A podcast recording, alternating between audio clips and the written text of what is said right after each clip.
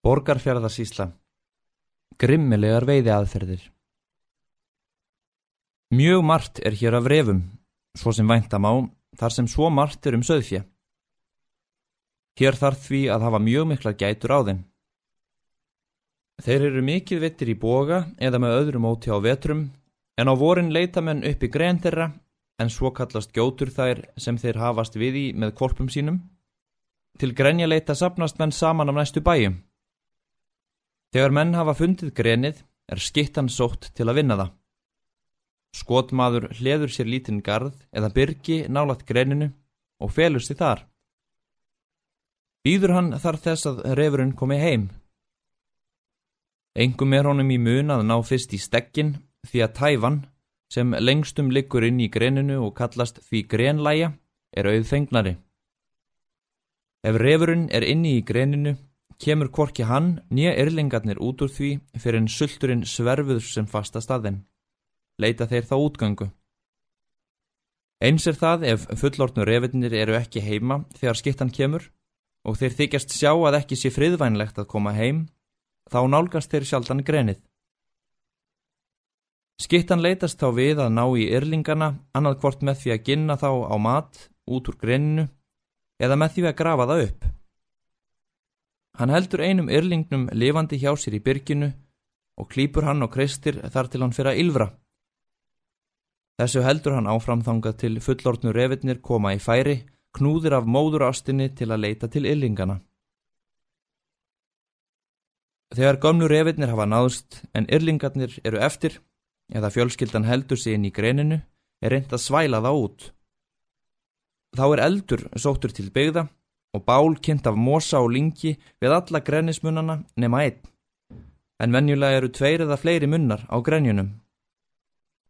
Kyndingunni er hagað svo að reikin leggji inn í grenið. Yrlingarnir kapna brátt í reiknum, en gamlur efirnir þólaðan betur. Menn hafa veitt fyrir aðtikli að þessi slóttugu dýr draga sig þá oft að eldunum þar sem reikurinn er minnstur og hefur stundum tekist að handsama þau þar.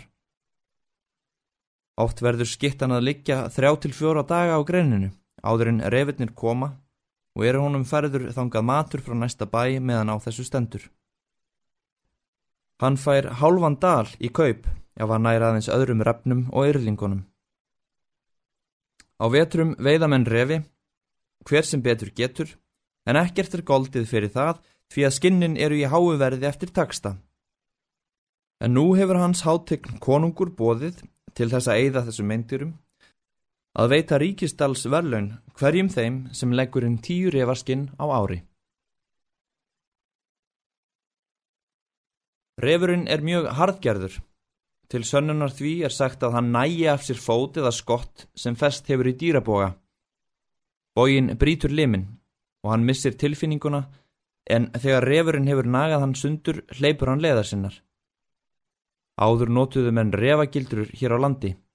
Þær voru gerðar úr hellusteinum, en annars vita menn nú ekki hvernig þær voru útbúnar. Stundum er eitrað fyrir revi. Til þess eru notaðar revakökur, en aðalefni þeirra er kransaugu, núks, vómekka. Tvær þeirra eru saksaðar og látnar í bytta af súrusmjöri eða úldnu keti. Dýranöttur er annað tæki sem notað er til refaveiða. Hann er svo gerður að stálvýr eða járnvýr er stungið þvert og endilangt gegnum kettbytta svo að hvarvetna standa kvassir brottar eða krókar út úr honum. Nötturinn er ímist svo lítill að refurinn gleipir hann eða hann er svo stóra að refurinn þarf að tyggja hann og þá festast krókarnir í tungu hans. Þráður liggur frá knettunum til manns er liggur í leini og dregur hann refin síðan til sín.